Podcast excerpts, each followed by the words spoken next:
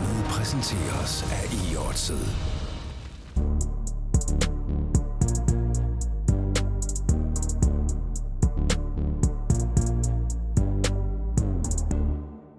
Tredje sæson af i-Superligaen blev afgjort ved et stort event i Forum Horsens i weekenden, og det med en højst overraskende hjemmebanevinder i AC Horsens, der sensationelt vandt trofæet efter sejr i finalen over de forsvarende mestre fra FC København. Den ene af fire deltagere i den finale er med i studiet i dag. Det er Jesper Pilmprang fra North. Velkommen til, Jesper. Jo tak, altid en fornøjelse. Inden vi for alvor dykker, dykker ned i uh, sæson 3, så tag os lige igennem finalen, Jesper. Hvordan oplevede du den?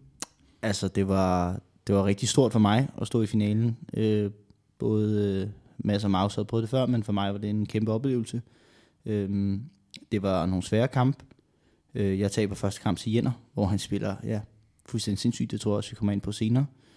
Øhm, så er vi godt klar over, at det var nok Maus, der skulle tage de to sidste kamp. Han øh, får den sejr, vi håbede, han ville få mod Ligen, og så bliver så afgjort i, i kampen mod øh, Jenner, hvor at, ja, Jenner igen spiller vanvittigt, og har også måske en eller to afgørende situationer marginale med sig, og ja, så får de sejren, og det, det kan vi undre dem i hvert fald, men øh, en, øh, en kæmpe oplevelse af personen, der andenplads er jo ikke helt dårligt vores sæson 3 betragtning.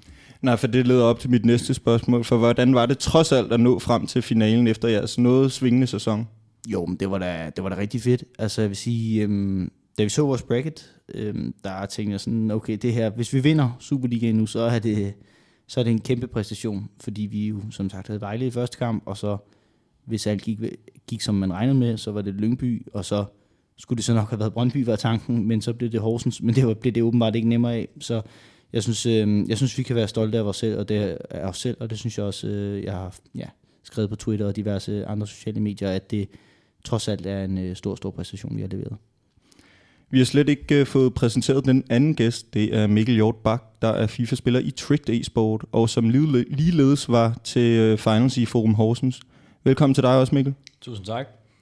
Podcasten her er lavet i samarbejde med eOdds, som er vores partner her på OneTap. Mit navn er Peter Rubik Nielsen, og slutligt skal der også lyde et velkommen til jer, der lytter med. Som sagt blev det altså AC Horsens, der kunne løfte i Superliga-trofæet i lørdags. I grundspillet endte de på 12. pladsen og sikrede sig først adgangsbilletten til playoffs i sidste spillerunde. I playoffs slog de AGF ud på reglen om udebanemål. Mikkel, øh, hvor stor en overraskelse er det for dig, at øh, Horsens endte med at vinde det hele? Øh, kæmpe overraskelse. Kæmpe, kæmpe overraskelse. Øh, af min tid her i FIFA verden her i Danmark, så tror jeg, det er den største overraskelse, øh, jeg har været vidne til, øh, og faktisk med afstand. Det var nok øh, det hold, som vi var en del stykker, der sad og sagde, at øh, hvis der er et hold, der ikke vinder, øh, så bliver det nok øh, Horsens. Og at de så går ud og gør det, det er jo kæmpe respekt for det, og, og egentlig også meget fedt, at det viser over for alle de andre hold, som man sidder i den sæson og siger, at de skal kæmpe for overhovedet at komme i top 12, at de kan stå med trofæet. Horsens kom altså som sagt til finals via reglen om udebanemål, og i, til finals øh, slog de altså OB også på reglen om udebanemål, hvilket sikrede dem øh, finalebilletten. Og det er, ikke noget, øh, det er ikke for at tage noget som helst væk fra Horsens, men mere for at diskutere den her regel om udebanemål i FIFA. Øhm, vi har kendt til den øh, i ma- virkelig mange år i, øh, i, virkelig, i den virkelige fodbold, men øh, i et computerspil øh, gør hjemme- og udebane, øh, for, øh, hvad hedder det, udebane en mærkbar forskel. Hvad, hvad synes I egentlig om, at den her regel den er at finde i competitive FIFA, hvis du starter, Pil? Jamen altså, øh, hvis man lige skal starte med det der om hjemme- og udebane øh, gør en fordel. Vi har da nogle gange joket lidt med, at der er noget home field advantage. Altså, når du er den, der inviterer, at du så måske har noget bedre forbindelse, og der nogle gange, nogle gange så virker det som om, du får flere touches med, sig, med dig, men overordnet set er der jo ikke forskel på den måde, men jeg synes altid, det har fungeret godt til at give noget dynamik til kampene, også for, und, altså produktionen vil jo gerne undgå uafgjorte, fordi så skrider tidsplanen, det så vi jo også med den, den tredje kamp, det gjorde de ligesom var nødt til at jamme lidt mere øh, på tidsplanen, så på den måde fungerer det fint, og jeg synes også, at det giver, det, det giver bare nogle flere, øh, flere muligheder for, for resultater, der kan være gode øh, selvom man måske ikke vinder kampen, at man så har to udbanemål. Og altså, det giver ligesom incitament til mål, er også det, jeg tror, tanken er. Øhm, men jeg synes måske på nogle måder, at øhm, i hvert fald når man vælger det her coin toss, hvis vi kommer ind på det senere måske, så er der måske en lidt for stor fordel i at være den, der får lov til at vælge, hvem der skal være ude bag hjemmebane. Og ikke nok med, at du får lov til at vælge det, så får du lov til at vælge, om det er første eller anden kamp. Men øh, den kan vi måske tage senere. Ja, du kan egentlig tage den nu, du, øh, du selv har bragt den på banen, mm. fordi øh, jeg fortæl gerne lidt mere om det her. Nå, men jeg synes, at øh, især her i sæson 3, også i sæson 2, der har der været en stor tendens til, at hvis du vinder dit coin horse, så jeg, altså, der må være nogen, der retter mig derude, men jeg mindes ikke, at der er nogen, der har valgt øh, matchup overhovedet. Altså sagt for eksempel, at Markus spiller mod Hjort, og jeg spiller mod Arrow. Det er altid, man går efter at få den her udebane, og i kamp 2, fordi at, ja, kamp 2, så ved du ligesom, du har et resultat at spille efter, og så kan du ligesom tage den derfra. Så der kunne man måske kigge på nogle måder, hvor man også kunne gøre det her med at vælge matchup stærkere. Altså på en anden, fordi man ved også lige meget hvad, Maus kommer altid til at spille kamp 2 for os. Der er aldrig nogensinde nogen tvivl om det. Lige meget om han spiller ude af hjemmebane. At man ligesom på nogle måder, ikke fordi at det vil jo ikke gavne os på nogen måde, men at man ligesom nogle gange kunne friste folk ud af den her comfort zone med, at vi også ved, at Fredberg spiller kamp 2 for, øh, for, for Brøndby, og ofte har det også været Arrow, der har spillet kamp 2 for, for Vejle eksempelvis, at man ligesom måske kan gøre noget for at friste folk ud, og sådan, så de ikke selv kan bestemme, om de spiller kamp 2 eller ej. Men det, øh, hvordan det skal skrues sammen, det vil jeg lade nogle andre kloge hoveder måske gøre. Med de ord synes jeg, vi skal prøve at øh, gennemgå de forskellige holds præstationer i sæsonen, og lad os starte med vinderne af grundspillet, nemlig Lyngby. Mr. Lillelys han blev topscorer med 27 mål i grundspillet, og han markerede sig som vel nok grundspillets bedste spiller. Til finals måtte han se så besejret af Marcuso, som vandt deres øh, opgør med 3-1. Pilm, du mødte Don Olli og fik 2-2 med fra den kamp, hvor du ellers var nede med 2-0. Først og fremmest vil du øh, sætte lidt ord på øh, Lyngbys sæson? Jeg synes, de har haft en sæson over al forventning. Vi vidste godt begge to, at, eller vi vidste godt, at øh, de begge to var nogle rigtig stærke spillere, altså Don Olli og Mr. Lys. Men jeg tror ikke, der var nogen, der regnede med, at de kunne bygge så meget på, også fordi spillet har været, som det har været, at det har været svært at sætte sig igennem, og det, at man går ubesejret igennem et grundspil, er rigtig flot. Vi så se for eksempel Maus struggle lidt, når nogle af de andre, der også har været, har været stærke, have nogle problemer. Og Lille Lys var også en, hvor jeg nogle gange tænkte, måske levede han lidt på det her med at kunne time og lave nogle førstegangsafslutninger. Men der har han fundet en måde at få det til at fungere på alligevel. Og Don Olli har også lagt rigtig meget på, jeg snakkede også med ham efter øh, finals, og han fortalte, at han ikke har spillet head, eller brug på sprog, eller hvad man siger, i mere end øh, 18 måneder, så det er jo en utrolig stor udvikling at, at blive ved med at gå ind i, og det må vi jo sige, de har også kørt en markant anden tilgang, de havde sidste år, hvor at det var meget det her switch rundt, og der må man også give noget kredit til Mikkel Haller, der, der sidder bag dem og sige, at det, det er flot, at han har, har fået lidt styr på det, og det måske ikke er så meget ham, der er i fokus, men mere spillerne, og så at man bare stiller den stærkeste opstilling, og så har man, så har man øh, uh, Moody og Ibu, som også er øh, gode spillere, men som måske ikke helt er klar til det skridt, og der i stedet for at presse dem ud i nogle dårlige situationer, så har man bare sagt, vi ved, hvem der er, der spiller, og det, det har fungeret for dem. Mikkel, hvad siger du til Lyngbys præstation i sæson 3? Ja, utrolig imponerende. Øh, så vidt jeg husker, de nummer 16 i sæson 2. Øh, og så skiftet rimelig meget ud i truppen. Øh, og det må man sige, der har været nogle gode udskiftninger. Øh, ikke for, fordi at øh, Aldin og Kulby egentlig var dårlige spillere på nogen som helst måde, men øh, jeg tror, det var tydeligt at se, at der var et eller andet, der ikke fungerede i, i det match. Øh, og at de så har fået nogen ind, som har fungeret så godt. Det er stor kado til, til dem. Og ja, selvom de ender med, med ikke at vinde det hele, så ved man også, finals det er en dag i sæsonen. Det, grundspillet her, det, det er over mange uger, og, og de vinder det, det viser bare om kvalitet lige meget. Om, ja, om de så var rådet i kvartfinalen, eller havde vundet det hele til finals. Lad os springe videre til Brøndby, som havde et godkendt grundspil, hvor de sluttede på andenpladsen 4 øh, point efter Lyngby. Til finals skuffede de dog fælt ved at ryge i øh, kvartfinalen til Horsens. Pilm, hvad tænker du om Brøndbys sæson? Altså, jeg synes, øh, Brøndby, de gør i, i grundspillet, der gør de bare det, der bliver forventet af dem, og det gør de også altid meget solidt. Øhm, at de så i playoffs den her gang ikke kan, kan trække det videre end kvartfinalen, det er selvfølgelig sindssygt ærgerligt, men hvis man skal sige noget, inden man går til det, så er det, Brøndby formår altid at give sig selv også et sindssygt godt bracket til, til finals. Altså de formår at sådan bygge det op. Så altså for dem var det jo nærmest en fordel at blive nummer to og ikke et, fordi så undgik de eksempelvis os eller Vejle i en eventuel kvartfinal og skulle møde noget, som på papiret måske og tænkt var mere overkommeligt i, ja, i form af OB eller Midtjylland hvor det så endte med at blive OB, men at de så ender med at møde Horsens hold, som bare åbenbart øh, flyver rundt på dagen, det er, hvad det er, og som jeg også har sagt til dem bagefter, eller i hvert fald snart med Dalen Barnevits, og sagde, ja, der, på et tidspunkt så kommer der bare en dårlig oplevelse med ligaen, altså de har haft nogle fortrinlige to første sæsoner, og det har heller ikke været en dårlig sæson overhovedet, Og øhm, de har stadig en sindssygt solid trup, og Fredberg er jo helt vild, og Dingo og, og Niklas er jo også begge to rigtig, rigtig solide spillere. Og det, der er jo heller ikke nogen tvivl om, at de er med helt fremme igen i sæson 4. De har et koncept, der fungerer, og jeg synes, at øh, de kan generelt bare være rigtig stolte på det, at den måde, de kører e-sport på derude. Hvad siger du øh, til Brøndby sæson, Mikkel? Jamen, jeg tror egentlig, at man kunne, kunne båndoptage Pilms svar, og så sige det samme fra min, min mund, fordi øh, det er der, han rammer det godt. Altså, ligesom jeg sagde før med Lyngby, øh, finals, det er noget helt andet, og, og at du ikke lige øh, vinder din første kamp, det kan skyldes mange ting. Øh, hvis man kigger på det, øh, på, hvis man skal lave en overall vurdering, så er man også nødt til at kigge på, hvad der er gået forud. Øh, fordi hvis man skal op mod en sæson 4, så er det vigtigt, at man også har vist, at man er god over mange uger, fordi det vil alt andet lige højne din chance for at gøre det godt igen i en ny sæson. Øh, og de ender nummer to, det tror jeg, det, det er sådan, vel nogenlunde der, de fleste havde placeret dem et sted mellem 1 og 3. Øh, så ja, jeg synes egentlig, de kan være meget tilfredse, og det kan godt være, at vi stod og tænkte, hvad, hvad fanden var det, der skete, da de, da de røg til A.T. Horsens, men når vi så ser, at de går hen og vinder det hele, så gør det måske også lidt mere acceptabelt i gåsøjne, at, at man, man taber til dem. Lad os tage fat i en spiller som Dingo, som du også bragte på banen, Pilm. Øhm, han er ustoppelig i Weekend League øh, uge efter uge, men det virker altså lidt til, at han simpelthen ikke, simpelthen ikke kan performe på samme niveau i E-Superligaen, når det virkelig gælder. Øh, først og fremmest synes jeg, at jeg har en pointe her, og hvad tror I eventuelt grunden er til, at han ikke helt kan overføre sit øh, Weekend League-niveau til E-Superligaen? Hvis du starter, Jesper. Og den er svær. Øhm, jeg synes, du har en pointe. Øhm, hvis man skal starte, der er kæmpe forskel på Weekend League og på, på at spille mod Bros, og især i Superligaen.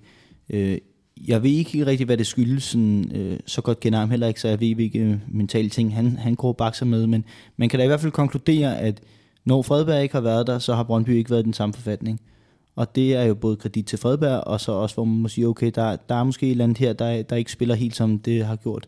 Der er ikke nogen tvivl om, at, at Dingo er en sindssygt god spiller, øh, men man, man kan også se, hvis man sådan kigger tilbage på sidste år og så videre, i, i Swiss og øh, i Kvalds der, har han heller ikke været, været helt over flyve, så det kunne måske være, jeg tror, hvis jeg skulle sige noget, så er det, der er noget mentalt i hvert fald i forhold til, hvordan man øh, håndterer at spille mod nogen, der, ja, som jeg kalder spiller for stramtræet. Altså, de giver ikke bolden væk, og der kan man ikke øh, skille sig igennem. Det kan man ikke lige meget hvad i år, men det er, hvad det er. Øh, og så er der bare noget med den spillestil, man har. Og der er, det er også meget voldsomt sagt, men der er bare en spillestil, der fungerer i pro-kamp, og det er, at man kontrollerer bolden, og det er øh, ikke at sætte for meget over styr, og så er det kalkuleret sejr, og der er han måske en lidt mere fri sjæl, der trives bedre i Weekend League, hvor at det er lidt mere chubang i perioder. Så det er nok det, jeg tror gør det. Har du noget at supplere med her, Mikkel? Øh, jamen, jeg synes egentlig igen, at Pilman siger det meget godt. Jeg har også selv, øh, selv haft de her problemer med, egentlig, selvom overall har mit år slet ikke været godt nok, men jeg har stadig gået back-to-back 30-0, og føler egentlig, når jeg spiller mm. derhjemme fra, at, at jeg spiller på et, på et acceptabelt højt niveau. Og så har jeg kæmpet lidt med det ude i, i ligaen, øh, især her mod slutningen.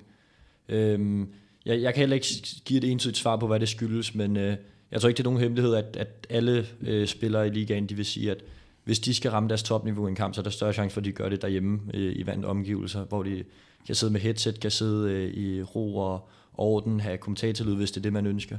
Øh, I stedet for, at du kommer ind, og der er nogle meget stramme regler. Øh, du skal sidde, du skal bundet mikrofoner øh, ind i dit hoved, du må ikke have headset på, du kan høre, hvad kommentator, hvad publikum siger. Øh, og det er bare sådan, det er. Øh, det, det skal ikke lyde som en undskyldning, men det er sådan, det er og der er nogen, der er bedre til måske at håndtere det end andre, og så er der måske nogen, øh, blandt andet mig selv, som må arbejde på, hvordan man løser det, fordi jeg tror både Dingo og jeg, vi er godt klar over, at vi er bedre spillere, end det vi har vist i, i denne sæson. Øh, så ja, jeg tror egentlig, det bare det er at, at prøve at finde en løsning på, hvad det er. Øh, jeg kan selv sige, at nogle af de spillere, jeg har tabt til her, er jeg overbevist om, øh, jeg ikke havde tabt til i, øh, i en kval, øh, men det kan jeg ikke bruge til noget. Øh, det, det handler ikke om at sidde og sige, at jeg er bare tusind gange bedre end, end dem, jeg har tabt til, fordi de slog mig. Øh, men jeg har i hvert fald selv kunne mærke, at når jeg er gået fra en runde i Superligaen, så har jeg ikke øh, følt, at jeg gik ind og leverede øh, hverken resultat eller øh, præstationsmæssigt det, jeg ved, jeg er i stand til. Øh, og det er selvfølgelig skuffende. Øh, og jeg ved ikke, om Dingo lyder lidt under det samme, men øh, det er da meget sandsynligt. Lad os bare gå til din sæson, Mikkel, fordi hos jer i Vejle blev øh, kvartfinalen endestationen ved finals, øhm, og efterfølgende var du selv ude at tweete, at, ja, at det har været en skuffende sæson for dig personligt. Kan du prøve at sætte lidt flere på, øh, ord på, hvad du øh, mener med det? Jamen, overall så handler det jo selvfølgelig om, at vi slutter på en top 8 til finals, hvilket ikke er det, vi har sat os op øh, for inden sæsonen. Øh, nu har vi jo fornøjelsen af at sidde ved siden af en af dem, der var med til at slukke vores strøm her. Øh, og ja, jeg snakkede også med de andre om inden øh, turneringen, at for mig at se, så var FCK det hold, der skulle slås. Det kan godt være, det endte nummer 4, men jeg troede personligt på, at vinderne af vores kamp, de ville gå hele vejen og vinde det hele. Øh, også fordi det giver bare en, en confident følelse, hvis, hvis vi for eksempel slår Markus og Bill, så ved vi, okay, så, så kan vi slå alle. Øh, og ja, så man kan sige, at vi sætter os selv i den position ved ende nummer 9, hvilket er langt, langt under, hvad vi skal ende øh, i grundspillet. Øh, så er det egentlig bare sådan, det er, at man så får en ja, utrolig svær lodtrækning, øh, som, som ja, man kan jo ikke sige det ufortjent, at man får den sværest mulige vej, når man render rundt i den nederste halvdel af ligaen. Så det er mere grundspillet, du anfægter i, for, øh, i forhold til finals? Altså det var i grundspillet, I skulle have performet bedre? Ja, altså jeg vil da hellere ende nummer 12, og så stå med guldet, end at ende nummer 1 og, og ryge ud inden. Øh, så det ved, det ved jeg egentlig ikke. Men jeg synes rent præstationsmæssigt, synes jeg, vi kan, sagtens skal være det bekendt til, til finals. Jeg synes, vi giver en tæt kamp op mod FCK. Øh, grundspillet var ikke super godt, øh, og det, det vi baksede lidt med, det var, at vi havde... Øh, det var som om, det skiftede lidt i perioder. Øh, I starten synes jeg egentlig selv, at jeg leverede meget godt og havde en god record. Og så var der nogle af de andre, der haltede lidt, og så i slutningen begyndte vi at få Arrow op på et utroligt højt niveau og så faldt jeg lidt af på den, så vi har ikke rigtig kunne ramme de her kampe, hvor begge spillere har, har performet max. Øh, og det tror jeg, jeg har været det største problem for os, og hvorfor det har været sådan, det, det er meget svært at svare på. Jesper, du var jo faktisk med til at sende Vejle ud i mørket med en sejr over netop Mikkel i, øh, i kvartfinalen, hvor du vandt 2-1. Øh, skal vi lige prøve at tage, tage et lille, øh, hvad hedder det, down memory lane til lørdag i, i Horsens og, og give øh, lytterne lidt øh, oplevelser fra den kamp? Jo, men altså det kan jeg da godt. Jeg kan da starte med at sige, at øh, jeg har set øh, bagefter, at der har været nogle øh, Vejle der ikke øh, synes, at det var helt fortjent vandt. Øhm, der er jeg måske farvet af, at øh, jeg synes aldrig, jeg vinder ufortjent jo nærmest. Så det, det, det er svært for mig at være objektiv der, men jeg synes, øh, hvis jeg skal starte med mig og Mikels kamp, at øh, første halvleg, jeg starter med bolden, tror jeg, får lov til at sætte mig på det, øh, holder rigtig meget på bolden, som jeg nærmest altid gør, øh, scorer efter en halv time på en chance, som ja, hvor, hvor den bliver taklet lidt ind i min gullit, og så, så sparker jeg bare, og så scorer han. Øh, 5-10 minutter efter, tror jeg, stadig første halvleg, hvor jeg også stadig får lov til at have bolden en del. Øh, kommer ind i bo, øh, boksen med Eusebio, laver et scoop turn. Øh, det er det, jeg prøver på i hvert fald. Og en spiller, som jeg... Det kunne jeg ikke se, da jeg sad og spillede kampen. Det har jeg set efter i highlights. Mikkel styrer ham i hvert fald ikke så meget, kan jeg sige. Øh, men der bliver dømt straffe. Øh, straffesparket. Øh, Mikkel går til den rigtige side. Jeg scorer alligevel, fordi øh, jeg har åbenbart placeret den der pil, eller den der lille boks der, helt perfekt, kan jeg se også. Det lader jeg slet ikke mærke til. Og Mikkel har taget et lille skridt til venstre, og jeg sparker til højre, så han, Alisson kan lige præcis ikke nå derud. Øh, anden halvleg øh, tilhører Mikkel, kan man godt sige. Øh, jeg er stadig i samme gear. Han begynder at presse på og gøre, som han altid gør. Score på sin første chance. Og så lige pludselig ikke så sjovt at sidde og spille mod ham. Øh, har en kæmpe chance med Messi, øh, som rammer stolpen med venstrebenet. Jeg vinder. Øh, fortjent, ufortjent, jeg ved det ikke. Så ja, det sagde jeg måske lidt i, lidt i fuldskab også øh, til afterparty bagefter, men jeg sagde, at det må være hævn for en øh, kamp i grundspillet, hvor at jeg følte mig rimelig dårligt behandlet af EA Sports. Men sådan er det. øh, ja, det er det. Hvad siger du til kampen, du havde mod Jesper Mikkel? Jo, jo, jeg har samme indtryk. Vi har lidt en halvleg hver. Øhm, altså, det her med ufortjent, fortjent, det, jeg ved ikke nu, jeg, jeg synes egentlig selv ikke, at det var det, man i FIFA, når man kender FIFA, hvor meget der sker, så det er ikke en af dem, hvor man kan kategorisere det som ufortjent. Øh, jeg synes, på en anden dag kan det godt være, at vi har vundet kampen. Mm. både min kamp, øh, synes jeg var fuldstændig 50-50. Øh, ja, han satte sig godt igennem sit mål, øh, som jeg også var pænt utilfreds med. Øhm, og, men et, omvendt synes jeg også, i pausen havde det også været lidt tyveri, hvis jeg havde gået derfra med med nul mål lukket ind, i og med at jeg basically gav ham bolden hver eneste gang, jeg erobrede den. Øh, får så lidt styr på det i pausen, øh, og føler også, at med, med lidt marginaler havde jeg også puttet den ind til, til 2-2 på stolpen. Øh, det er dog ikke sådan, at jeg kan sidde og være sindssygt utilfreds, fordi de her tætte kampe, det, det er jo ikke fordi, det er et kæmpe teori, når det ender med en etmålsejr. Det er værre, hvis det ender sådan noget 3-0 øh, i en tæt kamp. Jeg synes, at det kryds objektivt set måske har været mest færre, men øh, jeg har ikke fået genset kampen. Øh, jeg har kun set highlights af, 18, og de har heller ikke alle bidder med. Øh, og jeg husker også nogle, nogle situationer, hvor Pilmi anden halvleg har de her, som han er rigtig god til, de her, hvor han spiller den ind i feltet med en hård aflevering, øh, som han har god succes med i første halvleg, så hvor det ofte er lidt 50-50, om, om forsvaren kommer først, eller om angriberne råber den. Øh, og i anden halvleg, der faldt de ned, mere ned til mig, end, end til ham. Øh, og det kan også være de her marginaler, som, som gør, at man efter kan sidde og føle, at man er domineret, mens at det egentlig har været lidt øh, spillets øh, plat eller krone, der har afgjort, hvem, hvem er det, der sidder og dominerer kampen. Øh, så jeg, jeg synes ikke, jeg kan være alt for utilfreds, fordi øh, det kan godt være, at, øh, at Pilm har ret i, at det var lidt tilbagebetaling fra, fra vores grundspilskamp, fordi hvis jeg kigger på det nu, så var der større chance for, at jeg skulle have vundet kampen i playoff end i grundspillet. Øh, og ja, der vandt jeg 2-0, og nu tabte jeg 2-1 her i, i playoff, men øh, ville da gerne have, have byttet om på dem, hvis, hvis det var muligt. Det må blive en eventuel sæson 4. Pilm hos jer i FCK har I haft en noget turbulent øh, sæson med op- og nedture, og den startede jo med, med lidt af en bombe, da Arke i oktober måned øh, meddelte, at han med øjeblikkelig virkning stoppede i North. Øh, inden du skrev under med North, øh, vidste du så godt, at Arke ville stoppe? Nej, overhovedet ikke. Altså, øhm, min, min situation, inden jeg skiftede til, til North FCK, var, at jeg, jeg gerne ville finde et sted og, og være fuldtid og bruge rigtig meget tid på FIFA. Øhm, der skete en hel masse i den off-season og lige op til øh, sæsonstart, øh, og jeg endte med at stå i en situation, hvor at jeg tænkte, at jeg tager et år, hvor at jeg er i FCK, men det er ikke mig, der er i centrum. Det er Auster og Maus, og så er det mig og Mads, der må tage kampene mod nogle af de lidt mindre hold, hvis det skal byde sig til. Og så til en eventuel finals, der må jeg sidde og nyde i baggrunden, at de måske tager titlen hjem, og så kan jeg kalde mig for Danmarksmesters bagefter. Øhm, men øh, tiden, det, de gik rigtig stærkt efter at have signet og, afstod den her beslutning, som vi jo selvfølgelig øh, accepterede og, og støttede op om, og vi, vi kender ham jo godt, og det, han gør jo, hvad der var bedst for ham selv, og det er jo også altid det, man skal i fokus. Øhm, men øh, jeg synes, at efter han også har forladt os, der øh, synes jeg, at forladt os lyder som han er død, eller han er jo stadig, vi har jo lige set ham i dag. øhm, så altså, der, er, der er ikke noget der, men øh, jeg synes, vi håndterede det rigtig fint, øh, tabet af ham, og mig, Maus og Mads, vi, øh, vi hygger os, som jeg siger. du har været inde på det lidt øh, tidligere, men hvis du skulle sætte øh, nogle ord på jeres øh, sæson, hvad falder der så ind?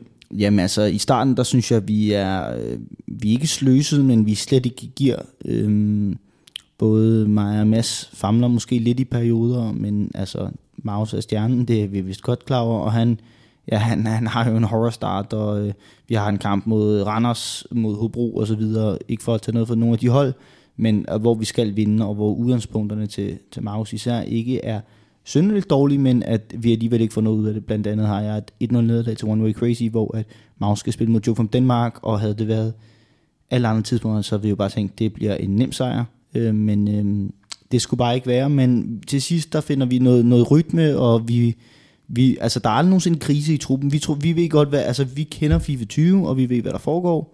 Øhm, og der får vi til sidst ja, endelig også vist på banen, hvad det er, vi står for, og vi, vi får noget gejst og noget momentum, og det er bare go with the flow, og så flasker alle resultater også, så også for os i sidste runde, så vi ender med en gang skud i en playoff-kamp, det var skønt.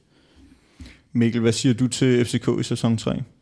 Jamen, øh, jeg synes, at det var overraskende, at øh, den start, de havde. Øh, jeg tror, at det var det hold, som mange også havde som det mest sikre i top 4. Øh, men jeg fandt hurtigt ud af, at det her det var ikke øh, FIFA 19, fordi så havde top 4 nok været lidt nemmere at kalde på forhånd. Øh, jeg var faktisk på intet tidspunkt i tvivl om, at de ville ende til finals, om det var via top 4. Øh, det begyndte jeg nok at tvivle lidt på, om da, efter de her 9-10 runder, øh, da de lå ned til halvdel. Men jeg vidste også, at okay, en, en playoff-kamp, der skal godt nok gå meget galt for, at øh, de ikke kommer til finals. Øh, da det i mine øjne i hvert fald nok er stadig en top 2 over de, de bedste trupper, vi, øh, vi har øh, i Danmark. Så jeg synes egentlig, at de kan være meget tilfredse. De ender i finalen. Det er klart, hvis de var råd i kvartfinalen til os, så havde det nok set lidt øh, mere skuffende ud udefra, men øh, kommer i finalen øh, efter den start, øh, det tror jeg ikke, man kan, kan klage over. Og, øh, og jeg synes også, at de, det vidner øh, om stærk mentalitet, at man kan hive sig selv op, for vi har set nogle af de andre hold, hvis de har fået en dårlig start, så kan det være utrolig svært at, at hive sig selv op og blive ved med at tro på det. Øh, man har nemme tendenser til at begynde at sige, at det er bare et forfærdeligt spil, og vi er uheldige, og jeg ved ikke hvad. Øhm, så har de måske mere tænkt, okay, ja, vi har været uheldige, ja, der, har, der har måske ikke været det bedste spil, men øh, vi må gøre det, vi kan, og så er vi også gode nok til, til at komme langt. Og med de ord, så lad os tage fat i de opsigtsvækkende vinder fra Horsens. Jenner, Legin og Jeppe LK var de tre spillere, som AC Horsens benyttede mest i denne sæson. Øhm, Ralle han fik en enkelt kamp mod Dingo, der blev tabt 1-0, og så så vi ikke mere til ham i sæsonen. Det er jo Jenner, der står tilbage øh, som den store profil på Horsens holdet efter den præstation, han leverede i Forum Horsens. Men også Legin formåede at, øh, at gøre en god figur. Mikkel, hvad delen var det lige, øh, vi var vidner til i lørdags fra AC Horsens? Uh, øh, mange ting. Øh, blandt andet øh, to spillere, som jeg tror begge to rammer sit ypperste niveau. Øh, og det må man bare tage den af for. Øh, det er ikke mange, der kan det. Øh, gør det, når det gælder allermest. Der tror jeg egentlig, de fleste måske godt kan underperforme lidt på grund af det her pres. Men jeg tror, i og med, at de havde hjemmebanen og kom som den der 12. plads, der absolut intet havde at tabe. Øh, slår Brøndby ud, øh, sensationelt vil jeg nærmest sige. Øh, det giver dem et kæmpe selvtillidsboost, og har så også de fornødne marginaler mod øh, OB og gå videre på udvandmål, hvis jeg husker rigtigt. Øhm, og så, ja, så ser vi jo i en finale, øh, ja, for, først og fremmest synes jeg egentlig, Legen, nu snakker vi meget om Jenna, jeg synes egentlig, det er meget, meget acceptabelt, at man taber 1-0 øh, til Markus. Det synes jeg ikke, man kan sige, at han har ikke fortjent at vinde sig. Øhm, men selvfølgelig Jenner, altså jeg ved, jeg ved ikke, hvad man skal sige om ham. Jeg, jeg er ikke 100% sikker, men hvad jeg husker, var han ikke verified. Det vil sige, at han har ikke fået 27 wins igennem hele FIFA 19. Øh, og at han så går ud her et halvt år efter, og er ja, på dagen Danmarks bedste FIFA-spiller. Det, jeg, jeg ved ikke, hvordan man skal forklare det. Altså det, det, det tror jeg ikke, at der er nogen, der havde øh, set komme, og jeg tror ikke, at der, han selv havde set det komme. Jeg tror ikke, der var nogen, der havde set, at de overhovedet skulle stå i Brøndby, øh, og at de står med trofæet, det er jo, det viser jo også lidt, at, at, at det her spil, det er et spil, alt kan ske, og der er ingen grund til at grave sig selv ned, hvis man ikke øh, har måske det, det niveau, man føler, at man, der skal til for at vinde. Fordi øh, hvis du rammer dagen, og de andre måske underperformer lidt, så, så det er dig, der står med trofæet. Så det var meget, meget overraskende, at det vi var vidne til. Pilm, øh, lad os lige vende tilbage til din egen kamp mod Jenner. Øhm, du taber den kniben med, øh, med 2-1, og Jakob Nørmark, der er ekspertkommentator på i-Superligaen, han øh, skrev et spørgsmål til dig på Twitter, netop angående Jenner. Øh, og han spørger, hvad det er, Jenner han gør så godt. Øh, og lad os tage udgangspunkt i din kamp. Jamen altså, jeg så godt spørgsmål, rigtig godt spørgsmål. Og altså, jeg har, jeg har også tænkt meget over det, og det var også øhm, det var en stor overraskelse for mig at spille mod ham. Øhm, nærmest alle andre i ligaen har jeg spillet mod før i en kapacitet, tidligere turneringer, tidligere sæsoner, Weekend League, uh, Rivals, eller andet. Jeg havde ikke spillet mod Jenner før, men det som jeg synes, han gør, som der ikke rigtig er nogen andre, der gør, eller i hvert fald slet ikke lige så godt, det er, for det første, hans offensive pres er rigtig, rigtig godt. Uh, vi ved jo alle sammen godt, det er næsten umuligt at presse i det her spil. Dine spillere, de er nede og stå i bunkeren, inden, uh, inden de har lavet det første sideskift. Uh, men han formår hele tiden at bruge sin, han spillede 4-4-2, formår hele tiden at bruge sine kanter til at trække op på din baks, og så samtidig have sine to strikers til at trække ned, så du ikke kan aflevere den ind til den centrale midt, når du har den nede på din bak. Og det er sindssygt svært at komme ud af, og det, så flyver han også bare rundt med Kanté og Gullit ind på midtbanen. Altså, han står meget kompakt, når du så endelig kommer igennem det første pres. Så når, jeg synes, når man er nede på den sidste tredjedel, der er han til at snakke med. Men det er bare så svært at komme derned. Når han så har bolden, så bruger han rigtig mange af de her ting, som fungerer i FIFA 20. Altså, det er meget begrænset, hvilke værktøjer du har øh, med dine spillere. Men han er sindssygt god til at bruge de her 45 graders øh, stepovers, hvor man ligesom øh, bliver ved med at lave stepover, og så bare accelererer i en anden øh, vinkel og får noget fart på der. Øh, og der bliver han bare ved med at bruge, når du så går tæt på, og så siger, når jeg tror, han går til venstre, så tager, ser han bare, hvad du gør, og så laver han udfald ud for det. Når du så kommer ind på kroppen med ham, så er han spiller helt uhyggeligt kropsstærke, virkelig som om. Hans Messi var på steroider, både mod øh, Maja, Maja Marcus, og øh, det, jeg tror, jeg kunne snakke om i 10 minutter, fordi det var helt vildt. Øhm, utrolig god til at vælge beslutninger ind i boksen, også med sin øh, ani især. Formår på en eller anden måde ikke at få det her skill fatigue, hvor at hvis du laver to elasticus i streg, for eksempel, så nummer to bliver elendig, der formår han at kombinere øh, skillsene på en eller anden måde, så han ikke bliver ramt af det her. Han har blandt andet målet til et mod mig. Altså jeg har set den så mange gange, og jeg synes, jeg gør så meget rigtigt. Jeg læser hans første finte, jeg læser den anden finte, og så laver han en tredje dragback, som stadig sidder lige i skabet, og der kan man bare ikke følge med mere, så han har en rigtig god kombination af noget offensiv genpres. Ikke, ikke sådan, nej, jeg kan ikke aflevere bolden ud, det er en labyrint det her, men bare, du kan bare ikke komme over midten og gøre det farligt for dig selv. Og så en helt uhyggelig boldkontrol og pasningssikkerhed med sine spillere. Det så man også i kamp mod Markus, at Maus prøver virkelig med, altså Maus har et sindssygt player switching og gør, rykker de rigtige steder hen hver gang, men Jenner for, formår sådan, han virker slet ikke øh, sådan slået ud af det, eller han arbejder sig bare ud af situationerne, og han har virkelig, jeg, altså jeg aner ikke, hvor han har fået fra, det, øh, det, det altså jeg kan, slet ikke, jeg kan slet ikke forstå, at man på så kort tid kan, kan, kan drive så langt, men jeg, da jeg så en kvalet første gang, der tvivlede jeg lidt på, okay, det er FIFA 20, og det kan ske, men nu kan jeg godt se, hvis det er nogle af de ting, han har siddet og gjort, når han rammer sit topniveau, så, øh, så har han faktisk rigtig meget at se frem til. Øh, det er svært at sige, hvordan det udvikler sig for ham, om det kun er FIFA 20, der har gjort, at han ligesom er der, hvor han er, men øh, stor kredit til ham, da det er helt vildt, hvad han har leveret. Rigtig fint beskrevet, øh, Jesper. Som sagt, så endte AC Horsens øh, på 12. pladsen i grundspillet, øh, hvilket var det yderste mandat i forhold til at komme med til playoffs. Øhm, som vi har været kort inde på, så besejrede de AGF i playoff-kampen om at komme til finals på reglen om udebanemål. Og i grundspillet fik Horsens kun seks sejre, øhm, men de gik så ubesejret igennem resten af sæsonen. Mikkel, hvad siger du til, at et hold, som ender som nummer 12 øhm, i grundspillet, ender med at vinde det hele? Ja, jeg kan sige mange ting, men øh, det, der først falder mig det er, at øh, de har oppet sig øh, de sidste par uger, øh, når det er gældt allermest. Øhm, så kan man sige, at de andre 11 hold har ikke været gode nok, eller de andre syv hold er det jo til finals. Øh, jeg synes ikke, det giver nogen mening at sidde og sige om, øh, at jamen, de har ikke fortjent det i og med, at de ender nummer 12, når nu, nu det sådan strukturen er. Øh, man ved aldrig om, hvis, de, hvis det, strukturen havde været som i sæson 1, om det bare var top 8, så ved jeg ikke, om de havde måske gjort mere for at peak lidt tidligere på sæsonen, så kan det godt være, at de havde endt top 8. Så jeg ved ikke, om det kan være lidt misvisende, at de ender nummer 12. Øh, så jeg har egentlig ikke nogen kommentarer i omkring, at det, det er unfair for os andre, fordi vi har haft muligheden for at ekspedere dem ud. Øh, det er der flere hold, der har haft. Øh, vi har haft muligheden for at slå dem, vi har haft muligheden for selv at, at vinde over vores modstandere.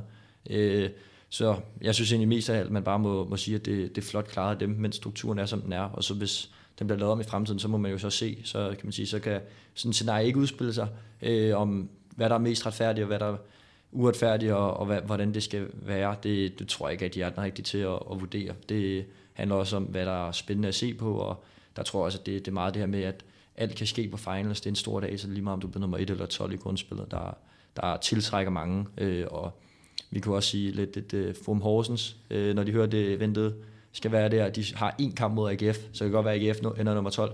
De har en kamp, det er to gange 6 minutter gange to, hvor de skal spille på deres ypperste, og så har de en kæmpe oplevelse, de vil huske i lang tid.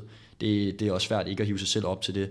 Så jeg tror egentlig også, at man, det kan godt være, at de overpræsterede lidt til, til finals, men jeg tror også, at måske en 12. plads var lidt, lidt en underpræstation. Du var lige kort inde på strukturen i ligaen, øh, Jesper. Hvis du selv kunne bestemme struktur, øh, strukturen i ligaen, vil du så fortsætte den, som den er nu? Altså, jeg synes, at den vi har nu, er på nogen måde i hvert fald bedre end det, vi havde sæson 2. Jeg havde været rigtig glad, især sæson 2, hvis der havde været den her mulighed for at, at få en playoff-kamp. Det er jo lidt en, en, en 8. delsfinale på nogen måde, føler jeg. Altså, det er bare en, en knockout-kamp før knockout-kampene. Øh, jeg synes heller ikke rigtig... Øh, altså, jeg ville gerne være kritisk overfor, men jeg synes, det er svært at være kritisk overfor det her igen, det, som, som Mikkel også nævner med at blive nummer 12. Fordi det var jo ikke sådan, at da de så kom til, øh, hvad skal man sige, til finals, så er det jo ikke, fordi de blev valgt som de sidste, og dem siger, åh, dem her, dem vil vi ikke med. Det kan godt være, at de er nummer 12 i grundspillet, men dem vil vi ikke med. Altså, de bliver valgt som, det er kun Esbjerg, der bliver valgt foran dem, og så kommer øh, øh, Midtjylland og, og Vejle så bagefter.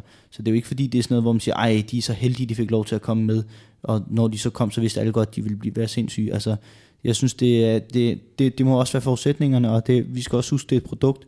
Jeg forstår til gengæld, jeg forstår mere dem, som røg ud på grund af playoff-kampen, at de synes, det er noget skidt. For eksempel øh, Nordsjælland-drengene, som ikke var helt tilfreds med, at mener, de ender nummer 5, og ender med at, at ryge ud til, til Esbjerg. Altså, at de basically er en uafgjort mod Lyngby fra at kunne være i top 4 og ikke skulle bekymre sig om det, til at blive nummer 5, og så ryge ud til, til, til, ja, til Esbjerg, eller nummer 6, eller hvad det blev. Så jeg forstår godt, at de, at dem, de tager på den, på den tabende side, er det rigtig hårdt for vinderne.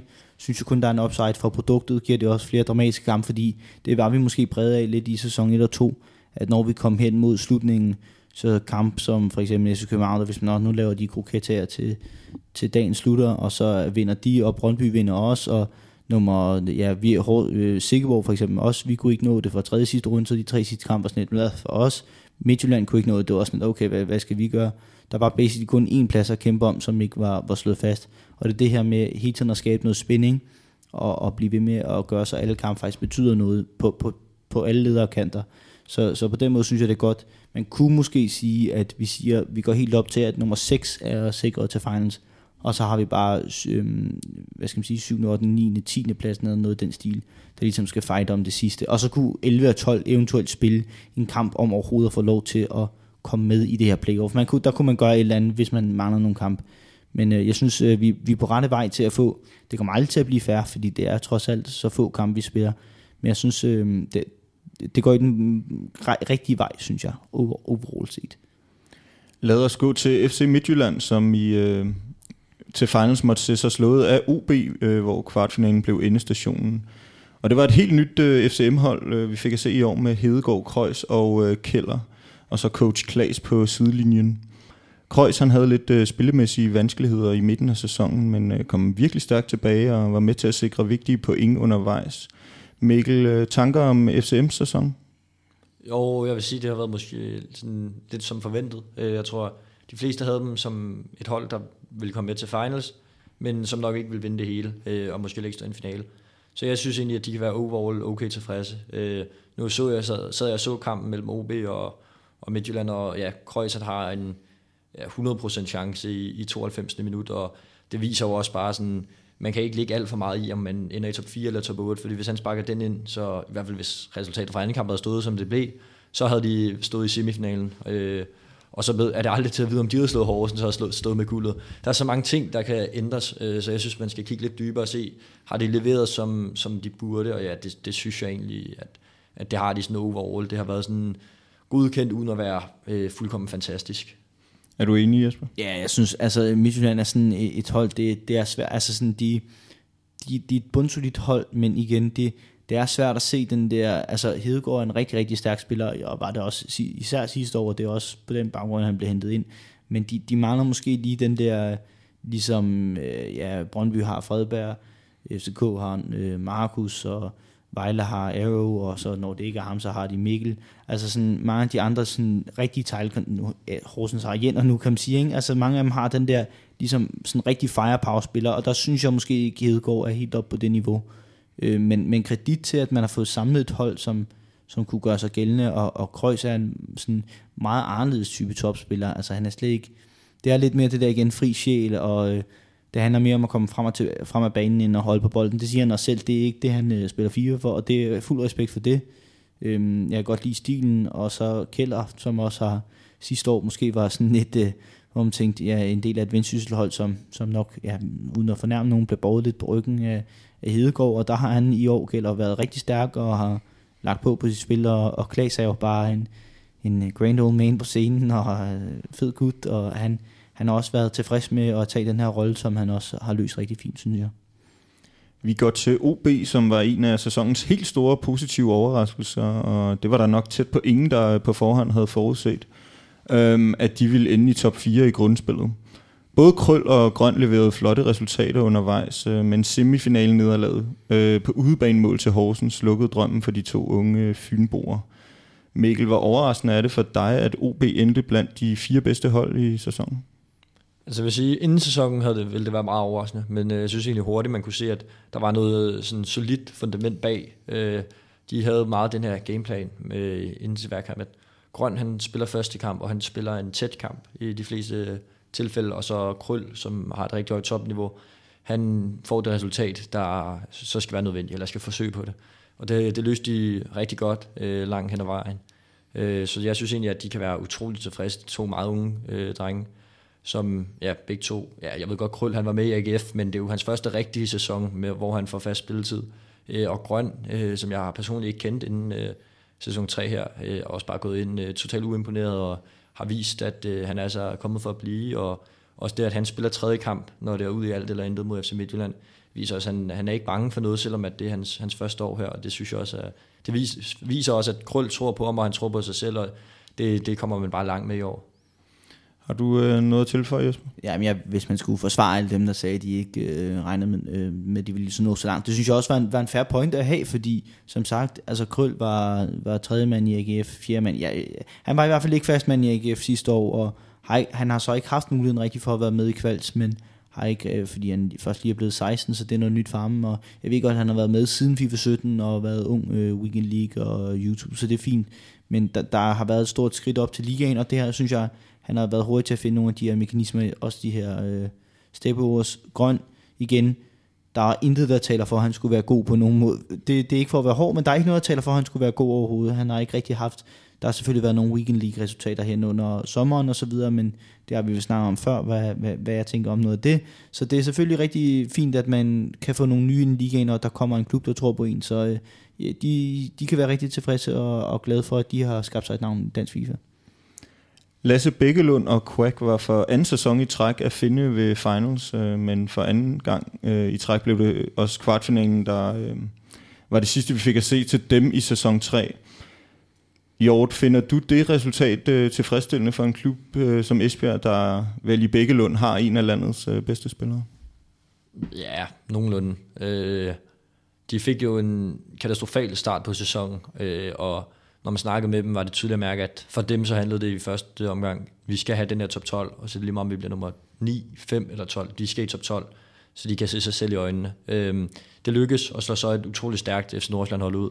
Allerede der synes jeg egentlig, de har leveret op på et niveau, hvor man kan sige, det er acceptabelt. Så hvor de så nummer et, øh, i og med at de blev valgt først af, af Lyngby, øh, og der tror jeg også, at det havde været en overraskelse for de fleste, hvis de havde ekspederet dem ud. Øh, jeg synes, Bækkelund øh, til tider viser sin klasse. Øh, vi havde selv fornøjelsen af, hvor han slog Arrow i, ja, fra mit synspunkt, var Bækkelunds præstation en af de bedste, vi har set i hele den her sæson. Øh, fuldkommen sindssygt god offensivt og defensivt, mens at Quack også, synes jeg, har lagt utrolig meget på siden sidste år. Når det kører for ham, øh, så han er blevet meget bedre defensivt. Øh, lad sig ikke lige så nemt bare overrumle af, at man laver en elastico, eller hvad man laver. Øh, står bedre på banen, øh, og har stadig beholdt lidt af sin kreativitet, som han altid har spillet på. Øh, så egentlig synes jeg, at det er en trup, der lige så godt som så mange andre, øh, nu snakker vi om OB, det kunne lige så godt være Esbjerg, der stod i semifinalen, men hvis man kigger på trupperne sådan overall, så synes jeg, at top 8, det er, sådan, det, det, det er nogenlunde der, hvor de skal ligge. Jesper, hvad mangler Esbjerg i dine øjne for øh, lige at kunne bide skære mod de allerbedste hold i rækken? Altså, jeg synes, øh, jeg synes de har en, nok den bedste synergi i ligaen, hvis man siger det. Altså, jeg tror, det er dem, der ligesom forbedrer deres eget niveau sådan indbyrdes som et hold mest. Men jeg har bare svært ved at se øh, truppen gå op øh, og lave en top 4. Selvfølgelig kan det ske med, med når alle stjernerne ligesom er liner, men jeg har bare svært ved at se dem trække det ekstra. Det er jo så også bare fordi man, de, altså klubben er jo som ikke større end den er, eller hvad man skal sige. Altså det er trods alt bare øh, en, en klub, der, der, der er med i det, og de får utrolig meget ud af det, synes jeg, på nærmest alle kanter. Altså Esbjerg har jo, de har rigtig mange fans med derovre, fordi at både Quaker Bækkelund og, og Matt også er så store navne, og så har de også fået øh, Daniel Lauritsen ind, som øh, tidligere var i Sikkerborg sammen med mig, øh, som, som skaber noget struktur bag. Så jeg synes, de arbejder i den rigtige retning, men øh, for sæson 4, der tror jeg heller ikke, at de går ud og siger, okay, nu har vi lagt så meget på, at vi, vi er klar til det næste. Det, det er et bundsolidt hold, men det, det, det tror ikke, det bliver til mere end det. FC Nordsjælland var nyt hold i E-Superligaen, og øh, inden, sæsonstarten, inden sæsonstarten havde de oprustet med Hassan, Hassan Player, Bacha og Wahid som træner. Øh, Mikkel, hvad, hvad siger du til FCN's debutsæson? Er den godkendt eller ej? Nej, det tror jeg hverken jeg eller nogen andre, eller dem selv vil synes, den er. Øh, jeg synes egentlig, når man kigger på den 6. plads, er det jo ikke katastrofal, men når strukturen er, som den er, så det, det er en kamp, de taber til Esbjerg. Øh, den kunne godt være gået anderledes, den kamp. Øh, men jeg tror da, at de havde set sig selv i finals, og det havde jeg da også selv, og jeg synes, det, det var ærgerligt, at de ikke var med til finals, fordi det er nogle af de drenge, som, som spreder mest øh, stemning omkring det, har altid sindssygt mange fans med, og er bare et kæmpe gave til ligaen at have dem med. Så jeg synes egentlig, det er ærgerligt, at de ikke øh, var med til finals, og jeg tror da også, at øh, i en eventuel sæson 4, så vil de være tilbage på et endnu højere niveau og mere motiveret øh, for at komme med, fordi jeg tror ikke, de har lyst til at miste den to gange i træk. Savnede du øh, Basha og Hassan player til, til finalspil? Jamen det gjorde jeg i hvert fald. Altså, øh, ja, jeg kan godt lide dem begge to, øh, og Wahid også for den sags skyld. Altså, det, jeg synes, det var rigtig ærgerligt for ligaen især, at, at de ikke var med. Men øh, ja, som, som Mikkel også siger, når systemet er skruet sammen, som det er, så øh, det, det fik de bare øh, ja, problemer med, og det endte med at blive skæbnesvangert, og det er jo rigtig ærgerligt for dem. Og det, de, de kommer til at sige, at det, det er en kæmpe skuffelse, og jeg ved, det betyder rigtig meget for dem. De, de elsker ligaen, altså de elsker jo begge to også at, at, at spille for kameraet og, og gøre det til show, og det er også sindssygt fedt. Men øh, der, der er nok noget, hvor de skal hjem og se på, hvad, hvad der skal gøres bedre, og det, man, kommer, man kommer nok ikke til at se nogen ændringer i truppen og sådan noget. Det er, det er en package deal, som man siger, og jeg er da også rimelig sikker på, at de er med til øh, finals i øh, sæson 4, og så ved vi jo, at øh, når de har crowded bag sig, så, så kan de lave magi. AGF de havde en nogenlunde sæson, men endte på lige ved næsten placeringen som nummer 5. Uh, øh, top 4 giver som uh, bekendt direkte adgang til finals. Efter nederlaget imod Horsens i playoff-kampen, der var Lars Primeturbo ude med kraftig selvkritik og skrev blandt andet, at han ikke selv mener, at han øh, er dygtig nok til i Superligaen.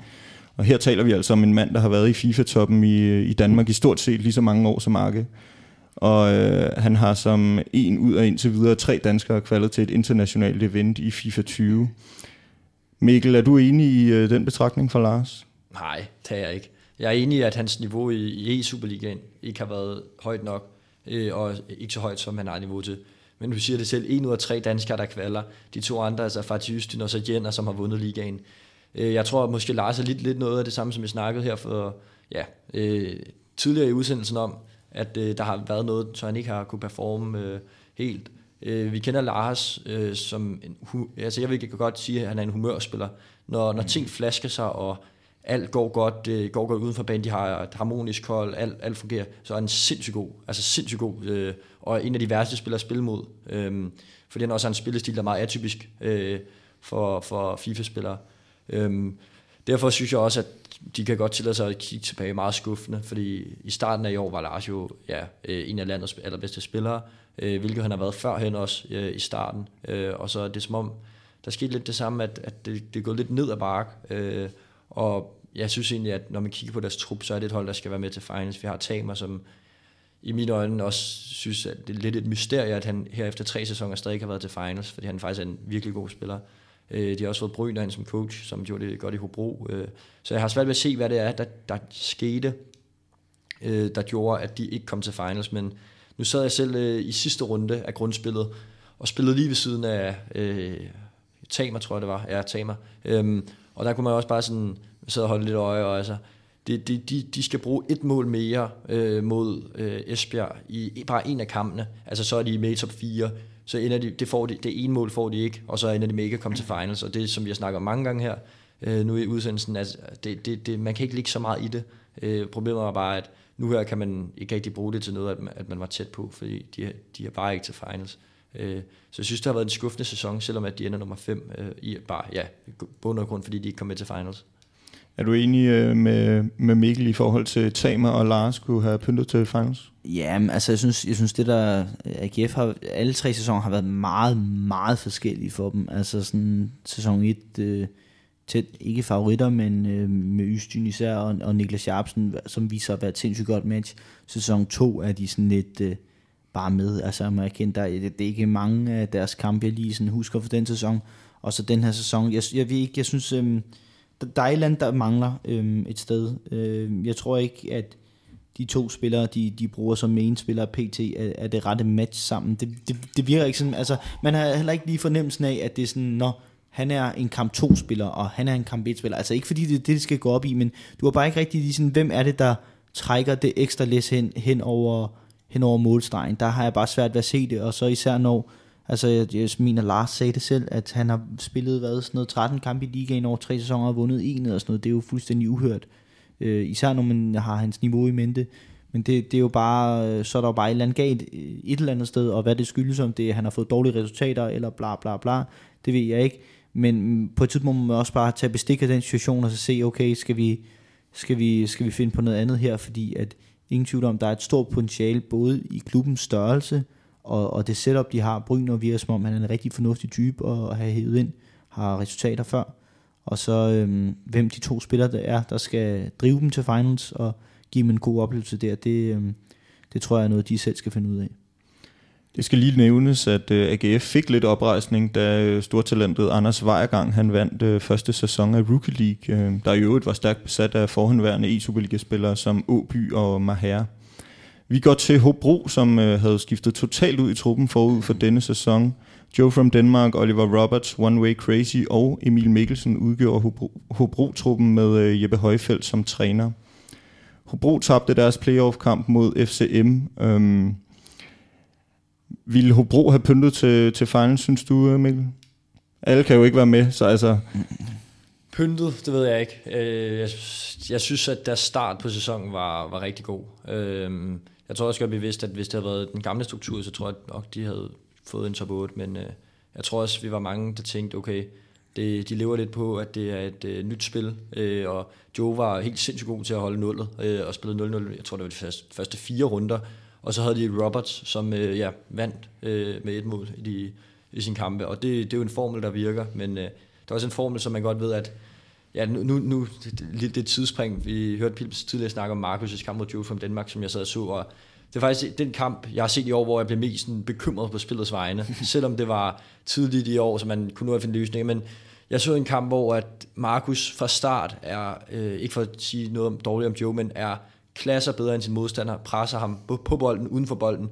Øh, Joe, når han får bolden med sin målmand, trykker han firkant, øh, får bolden ned i forsvaret, prøver at clear den, og Markus, ja, jeg ved ikke, hvor mange chancer han har i feltet, hvor at han laver en vending, der sætter Joe spiller af, men så kommer Van Dijk flyvende i en autoblok, og, og sørger for, at den ikke går i kassen, eller også rammer den sidenettet.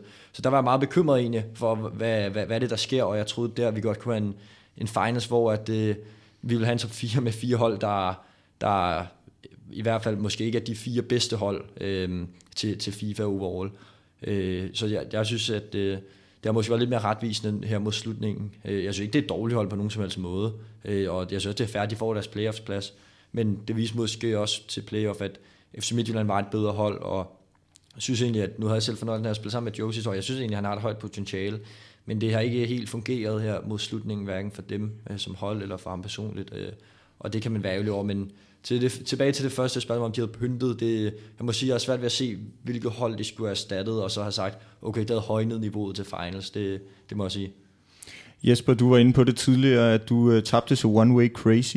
Vil han være en, hvis du, lad os sige, du uh, var, var Hobro-træner, vil han være en, uh, en spiller, du uh, kunne uh, se som main-spiller? Jamen altså, jeg synes, det, um, det som uh, vi, vi nok før har snakket om, også i nogle af de her podcasts, det har været, at um, der, når du har en bred trup, så er det svært at, at tage den rigtige beslutning om, hvem der skal spille, og svært at lade spillerne selv være i fokus. Nu snakker jeg om, at Haller måske havde lært af nogle af de fejl, han havde begået med at, at rotere for meget, og prøve at ligesom opfylde den dybe tallerken hver gang, og de matcher godt mod hinanden, og han spiller possession mod ham og sådan noget, i stedet for at sige, at vi har de, altså selvfølgelig, det er tæt sådan mellem spillerne, så det er svært at sige, okay, han er bedre end ham, ham.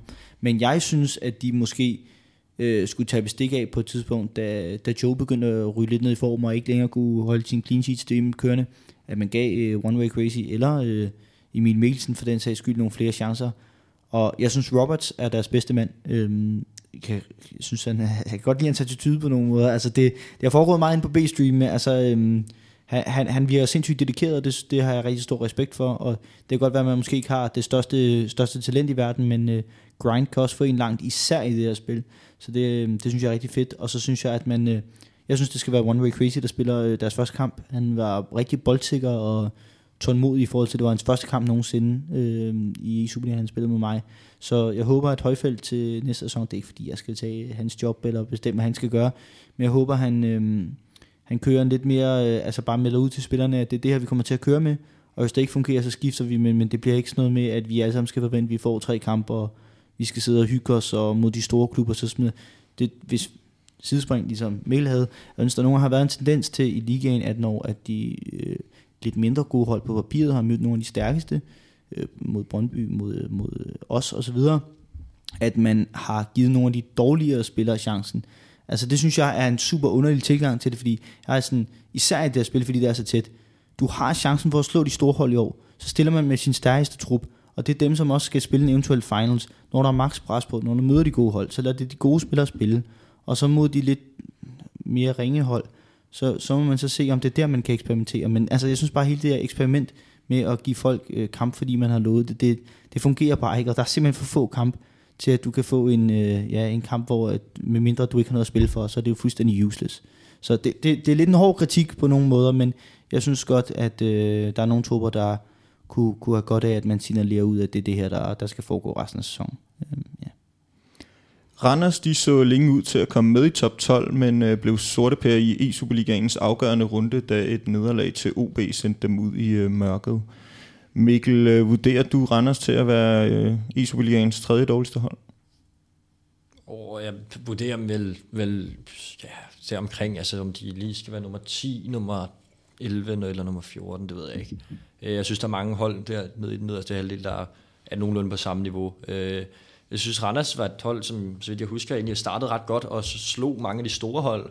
Men så, når de røg ind øh, mod, de, mod de lidt mindre hold, jeg ved ikke, om det var noget med, at de ikke tog, tog, eller at vi måske tog for let på opgaven, eller om det bare var øh, noget, der ikke passede så godt øh, til dem, og spille mod øh, lidt mere primitive hold. Øh, det, det, det skal jeg ikke kunne sige, men i hvert fald så hvis jeg, så vidt jeg husker, slog de, ja, var det ikke både Brøndby og FCK, og så tror jeg, at de har tabt mere eller mindre resten af deres kampe. Øh, så at de ender tredje sidst, det kan vel ikke være, være helt skandaløst.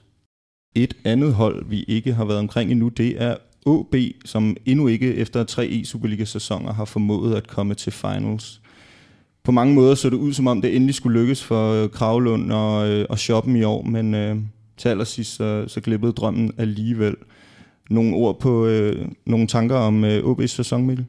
Men jeg synes egentlig, at øh, de kan være okay tilfreds med, med det, sådan, de leverede, øh, selvom at slutresultatet ikke var helt tilfredsstillende.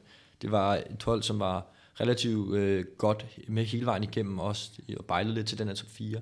Og det var jo ikke øh, sådan, at jeg fik et kæmpe stort smil på læben, da jeg så, at det var dem, vi havde trukket i vores øh, playoff-kamp øh, om finalspladsen, øh, og fik også de fik også demonstreret dagen efter, at det var altså et, et solidt hold, øh, og på en anden dag kan det være, at vi havde tabt til dem. Jo, vi heldigvis ikke, men øh, der tænkte jeg også, okay, øh, det er et hold, som, som godt kunne have fortjent øh, og fået en af de yderste pladser til finals. Så jeg synes egentlig, hvis man kigger lidt dybere på det, at de kan være nogenlunde øh, tilfredse med deres egen præstation. Ja, Kravlund steppede især også op i, i den her sæson. Øhm, Jesper, hvad siger du til OB? Jamen altså, hvis der er nogen, der skal have formaterne i ligaen, så må det da efterhånden være dem. Øh, de er endt lige præcis ud for, for det, der har skulle give adgang til finals næsten hver sæson rigtig ærgerligt for dem. Øh, Shoppen er jo stadig en bundsolid spiller. Øh, mangler måske lige, især mod de rigtig gode, og, og vinde nogle af kampene. Kravlund kan godt lide en stil, spiller med mange skills, eller laver mange udfald med spillerne. Øh, ja, men bare øh, rigtig, rigtig ærgerligt for dem, og øh, nogle, nogle gode fyre, og de er der stadig, selvom de ikke er, ikke er med på banen, så på, det skal nok løse for dem. Altså alt andet vil være mærkeligt, at sådan et, et hold med sådan alligevel det niveau, de har, ikke øh, har kunne nå til finals endnu. Det er, det er lidt et mysterie på nogle måder, som vi også snakker om med Tamer, men øh, det er åbenbart bare vilkårene i en liga, der er så øh, konkurrencepræget, som den her Vi går til FC Helsingør, som øh, blev nummer to i grundspillet i sæson 2, men endte sidst i øh, sæson 3. Nærmest en, øh, en omvendt Lyngby, så at sige. Øhm, men med til historien hører selvfølgelig også, at det var en Helsingør-trup uden Fatih Ystyn på holdkortet, øh, der duellerede i øh, BMW-studierne i øh, dette efterår. Pilm, hvad siger du til Helsingørs præstation i tredje udgave af Superligaen? Altså, øhm, jeg synes, jeg, jeg, jeg ved ikke engang, hvad jeg skal sige her. Altså, ja, øh, der, man kan ikke sætte nogen øh, lighedstegn mellem deres sæson 2 og 3. Det er to vidt forskellige hold, helt, helt andet setup. Øhm, de henter den første udenlandske spiller ind i, øh, i Magnus Møjlein Marcus for, for Finland øh, som får hvad, to-tre kamp, og så han, øh, som jeg vidt jeg kunne forstå, nogle, øh, nogle psykiske øh, problemer, og det er god bedring til ham. Det er rigtig ærgerligt, at han øh, bliver nødt til at trække sig.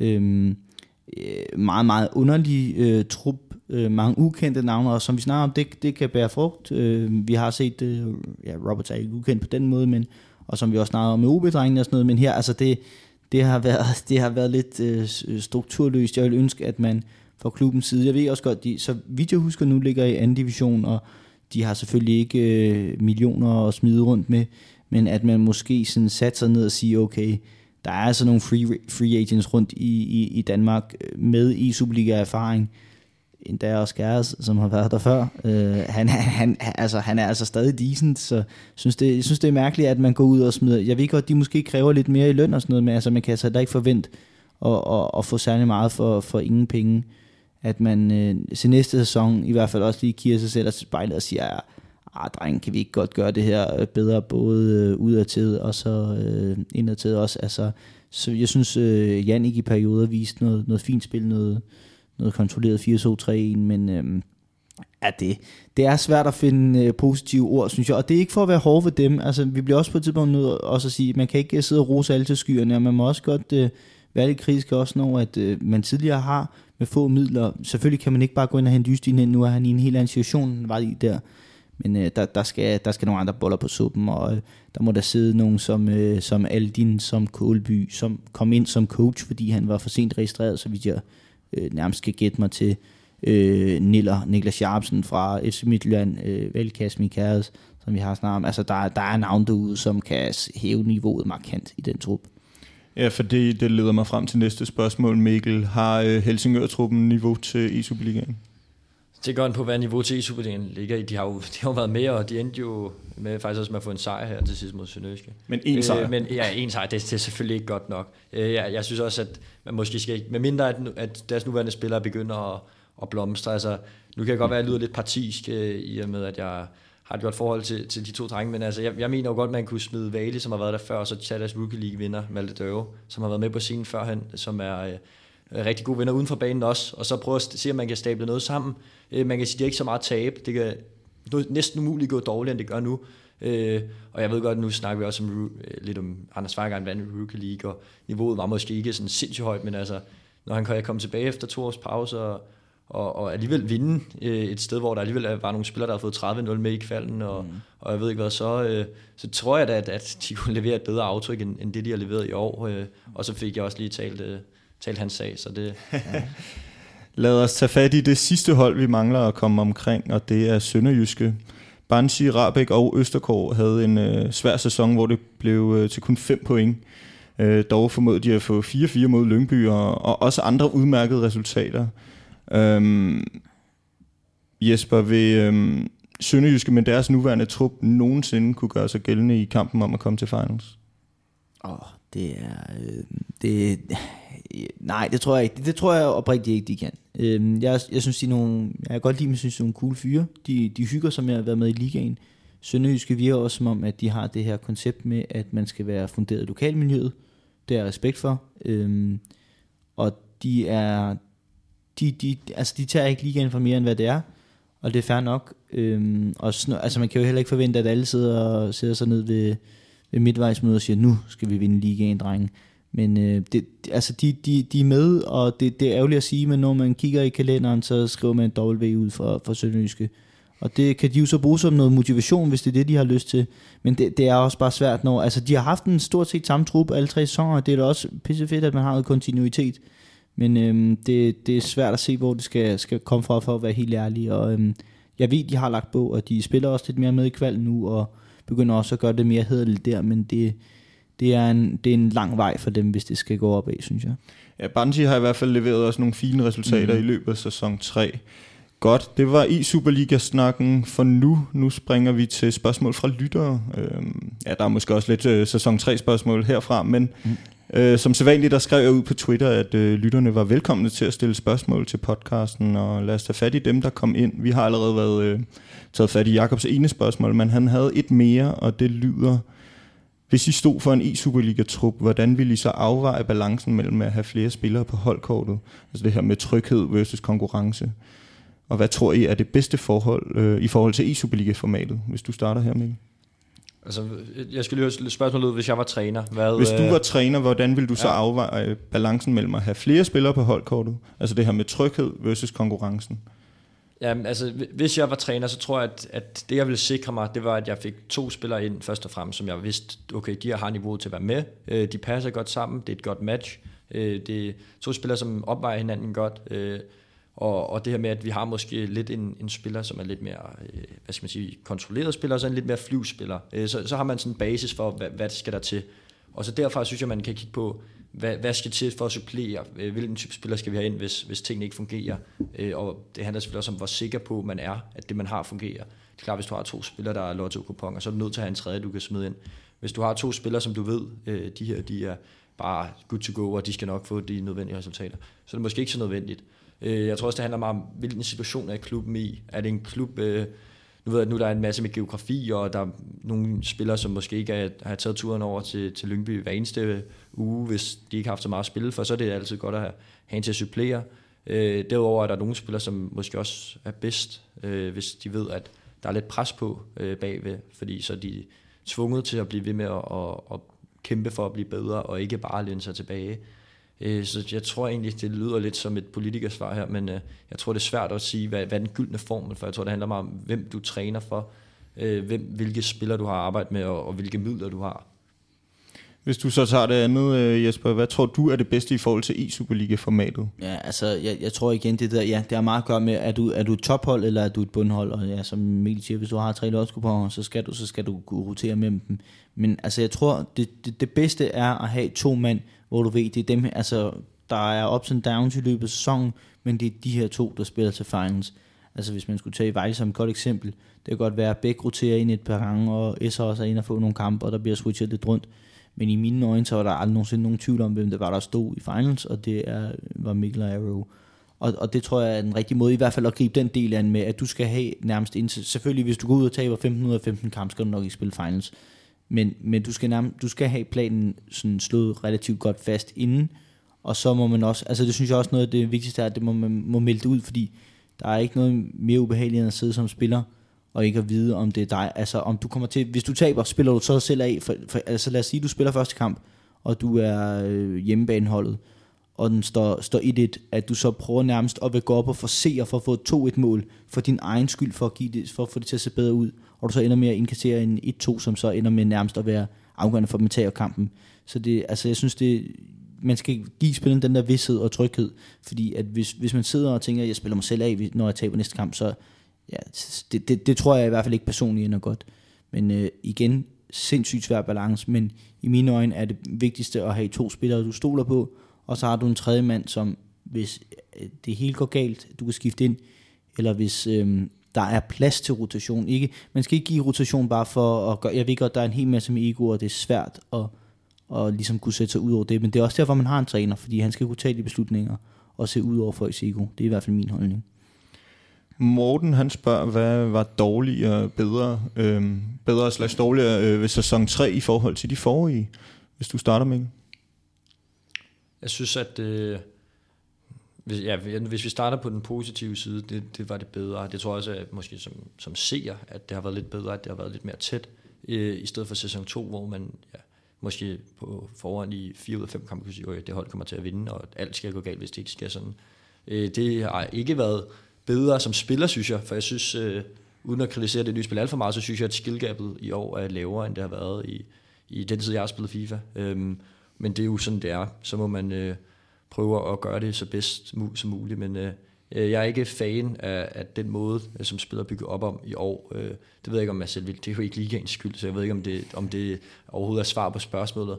Men øh, jeg tænker at også, at man må sidde lidt undrende som seer, øh, når man sidder og ser nogle af de ting, der foregår. For mange, øh, som jeg kunne forestille mig, mange af dem, som ikke engang følger så meget med. Øh, jeg ved, min far, han har tit siddet, hvis han har siddet og set lidt, så han tit øh, kommet med kommentarer over, og han kan se, at han siger, det er jo ikke flydende, det er jo, det er jo meget, meget marginalt. Okay, bolden rører derhen, så blokerer han, så løber den anden spiller op og scorer på sin første chance. Det er sådan, det er meget, meget øh, sådan hakket spil, føler jeg. Øh, det er ikke særlig flydende.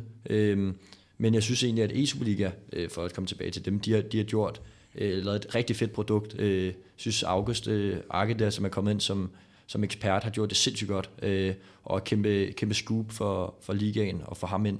Øh, kæmpe navn og, og få ind og til at reklamere for det, men også bare hans viden, øh, hvor at, ikke for at sige noget dårligt om de andre eksperter, men det, det kan være begrænset, hvad de ved, fordi de ikke selv har været med på scenen, så de kender måske ikke lige så meget om spillet, øh, spillernes tanker.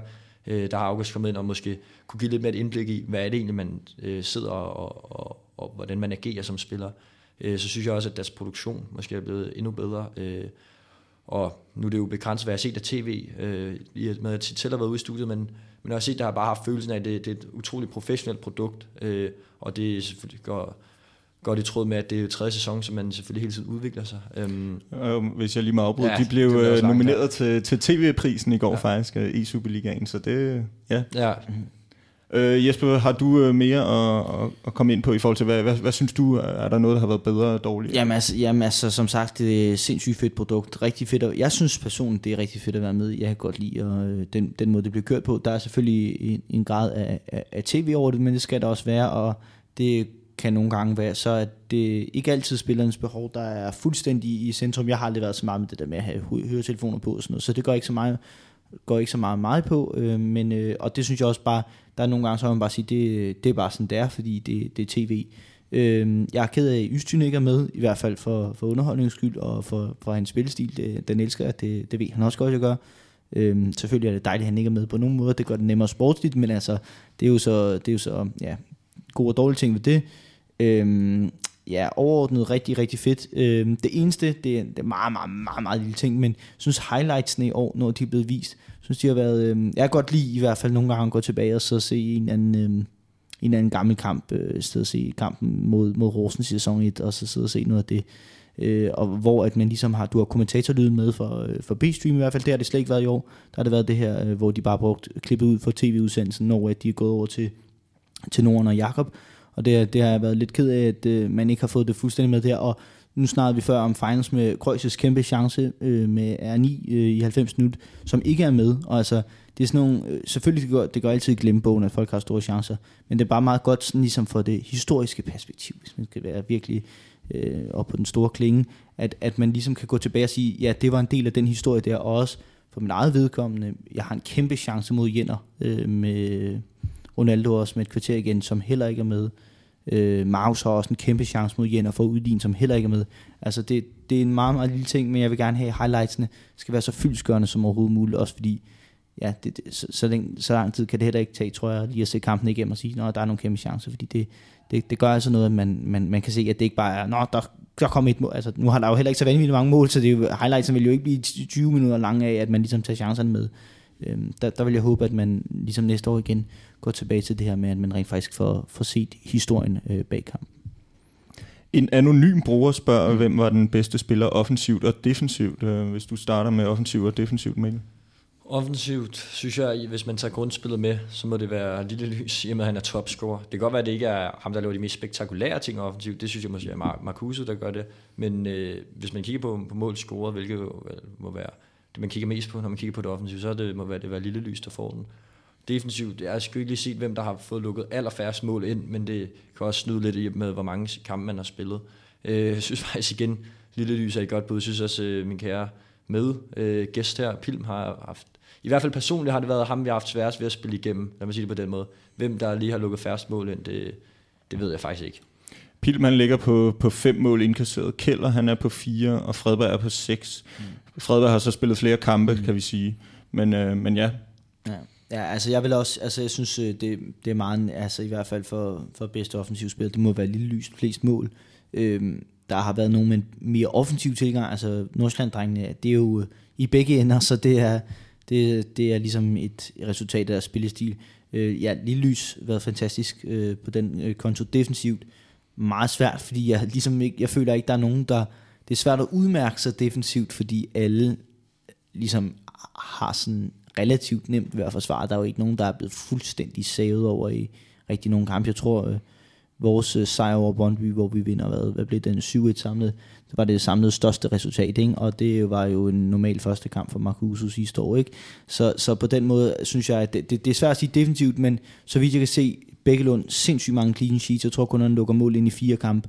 Så det, det synes jeg er til værd, værd at tage med. Fredberg ved jeg også var meget fokuseret på ikke at lukke målet ind, selv hvis han var foran 3 Og det er også kredit til det. Det er godt at være konkurrencemandet på det punkt. Så det er nok de to spillere, jeg vil øh, nævne umiddelbart. Faktisk så lå øh, Lille Lys også kun med, med 6 mål indkasseret på 13 kampe. Også ja. rigtig, rigtig fint. Mm. Her på falderæbet, så øh, lad os lige tage fat i den brutotrup, som e-landstræner Dennis Nordenbøl han skal udtage i næste uge. Øhm, Mikkel, hvilke spillere synes du, han skal tage med? Oh, det er svært. Det er også svært at sidde her, her øh, som, som spiller selv, som har haft det som en drøm, og, og sidde helt objektivt til det. Men øh, som jeg ser det, når der er seks mand, så synes jeg lidt, at de, de fem første giver sig selv, og lige ham som det, i mine øjne er det Fredberg, Lille Lys, øh, Marcuso, Jenner, øh, nu skal jeg huske den sidste, jeg har, jeg har tænkt over det her, øh, Lille Lys, eller Fatih Østen selvfølgelig var det, ja. det jeg sad og tænkte var helt i E-Superliga-tanker, så det er, ja, øh, de fem synes jeg giver sig selv, og så synes jeg, at den 6. pladsen er utrolig åben. Øh, jeg synes både Pilm og jeg selv øh, har, er, er lige så berettiget som, som så mange andre. Jeg synes Arrow, min holdkammerat, har gjort det sindssygt godt, og har også fortjent en plads. Jeg synes Dingo, det kan godt være, at han, ligesom jeg selv ikke har haft den bedste øh, sæson stadig har det niveau, der skal til, øh, til at være på landsholdet. Jeg synes, Don Olli, øh, hvis det landsholdet blev udtaget for tre uger siden, så synes jeg, at den måske næsten selvskrevet. Øh, jeg har også set, Simon Juhl har også haft krøl op øh, øh, til, til en plads. Øh, jeg har ikke selv fuldt sindssygt meget med i hans resultater, men øh, jeg tænker, at han, han må have en... Øh, har haft en rigtig stærk sæson. Øh, han slog blandt andet ja, Marcuso. Han slog blandt andet Marcuso, og, og altså, det, det måske, vil måske også være lidt det her med, at man, man viser, at der, der er måske en vej selv som ung ny, måske for at give endnu mere øh, motivation. Så jeg, jeg, i min verden er, er vi en, en 5, 5, 5, 6, 4, 5, 6 spillere, der, der kan sidde og, og bejle til den sidste plads, uden at det måske vil være den sjette spiller, som vil komme til at spille, øh, i, nu når der er to mand, der skulle vælges til at spille kampene. Ja, og jeg, jeg er helt på, de fem der, der behøves vi ikke øh, snakke mere om dem. Dem synes jeg, altså, jeg kan næsten ikke forestille mig en verden, hvor det ikke er dem. Og så har det været lidt med de sidste, hvor det har været med, der for dem alle sammen har det været godt, uden at være prangende. Altså, der har ikke været en, hvor jeg har sagt, de har excelleret. Det er også derfor, den er ligesom op for grabs. Øhm, og jeg, jeg synes, det, det, er, det er også svært, når det har, der har været så få kvalds og sådan noget. Jeg synes ikke, man kan bruge Weekend League til noget som helst. Øh, det, det vil jeg gerne være on the record for at sige. Det synes jeg ikke siger noget som helst om ens niveau længere, som det er. Og det er ikke for at tage noget for folk, der får 30-0 og sådan noget, men det, og, eller, og det er heller ikke et jab til en specifik, det er bare generelt, det er ikke rigtig længere en, en, ja, en, et ordentligt benchmark, og det er selvfølgelig ærgerligt.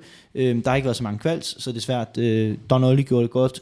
En kamp for kvalitaber til Maestro, sindssygt ærgerligt øh, på den baggrund, og rigtig fin, fin sæson også. Og så er det selvfølgelig rigtig, altså, jeg er sådan lidt, hvis, hvis han havde holdt den hjem mod mig, så havde jeg givet den til ham, men øh, når, når at han, det var ligesom den sidste generalprøve, og sidste gang man ligesom kunne se, og der var et par stykker af dem, der ligesom var inde om at være bobler, for eksempel Krøl, har ikke en specielt god finance, står to gange uafgjort, så vidt jeg husker. Øh, Dingo får en kamp mod Jenner, det er jo selvfølgelig færre, man taber Jenner, det er ved der. men heller ikke ligesom ham, der steppede up to the plate. Olli gjorde heller ikke, øhm, så vidt jeg også husker, to, øh, et X mod øh, McGregor og et X mod mig, heller ikke helt ekstraordinært. Mig selv heller ikke fuldstændig flyvende, og jeg synes heller ikke, jeg havde lige så meget bagage, som de kom med. Der synes jeg, de havde mere, og der bød jeg måske mere ind til finals, men manglede så måske noget op til finals. Øh, og så vil mangle den sidste arrow, synes jeg, er den, undskyld mig, øh, som er, sådan, har, har det bedste overall at komme med.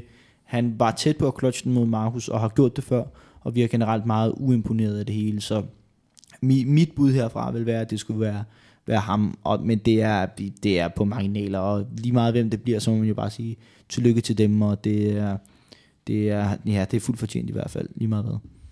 Og med de ord synes jeg, at vi skal runde denne udsendelse af. Øhm, tusind tak Mikkel og Jesper for, at øh, I ville være med. Som altid en øh, fornøjelse. I lige meget. Stor fornøjelse. Mit navn er Peter Rubik Nielsen. Vi høres ved.